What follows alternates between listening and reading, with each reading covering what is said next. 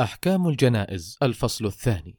تحدثنا في اللقاء السابق عن بعض أحكام الجنازة وحديثنا اليوم عن غسل الميت وتكفينه والصلاة عليه. فبعد موت المسلم يجب أن يغسل فتستر عورته ثم يبدأ المغسل بإزالة الأذى عن الميت ثم يوضئه الوضوء الشرعي ثم يغسله بالماء والسدر ثلاث غسلات ثم يفيض الماء على جسده ثلاث مرات من الأيمن إلى الأيسر وإن احتاج للزيادة فيزيد وترا. ويجعل في الغسلة الأخيرة كافورا وهذه الصفة المستحبة. ويجزئ منها أن يزيل عنه الأذى ويفيض الماء على جسده والمرأة تغسلها امرأة مثلها أو زوجها. ويكفن الرجل في ثلاث لفائف بيض ويجعل الحنوط وهو نوع من الطيب على منافذ الميت ومواضع سجوده وبين أكفانه. والمرأة تكفن في إزار ورداء وخمار ولفافتين. والواجب المجزئ من ذلك ثوب يستر جميع بدن الميت. ثم تقدم الجنازة ليصلى عليها.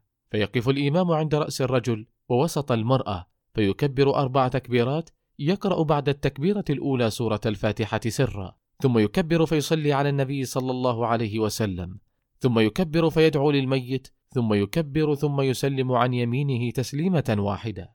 ومن فاته جزء من الصلاة قضاها بعد سلام الإمام. فإن خشي أن ترفع الجنازة تابع التكبيرات وسلم. ومن فاتته الصلاة فيصلي عليها قبل دفنها وتجوز بعد دفنها. وفي فضل الصلاة على الجنازة يقول رسول الله صلى الله عليه وسلم من شهد الجنازة حتى يصلى عليها فله قيراط ومن شهدها حتى تدفن فله قيراطان قيل وما القيراطان؟ قال مثل الجبلين العظيمين متفق عليه. ويقول صلى الله عليه وسلم ما من رجل مسلم يموت فيقوم على جنازته أربعون رجلا لا يشركون بالله شيئا إلا شفعهم الله فيه. رواه مسلم.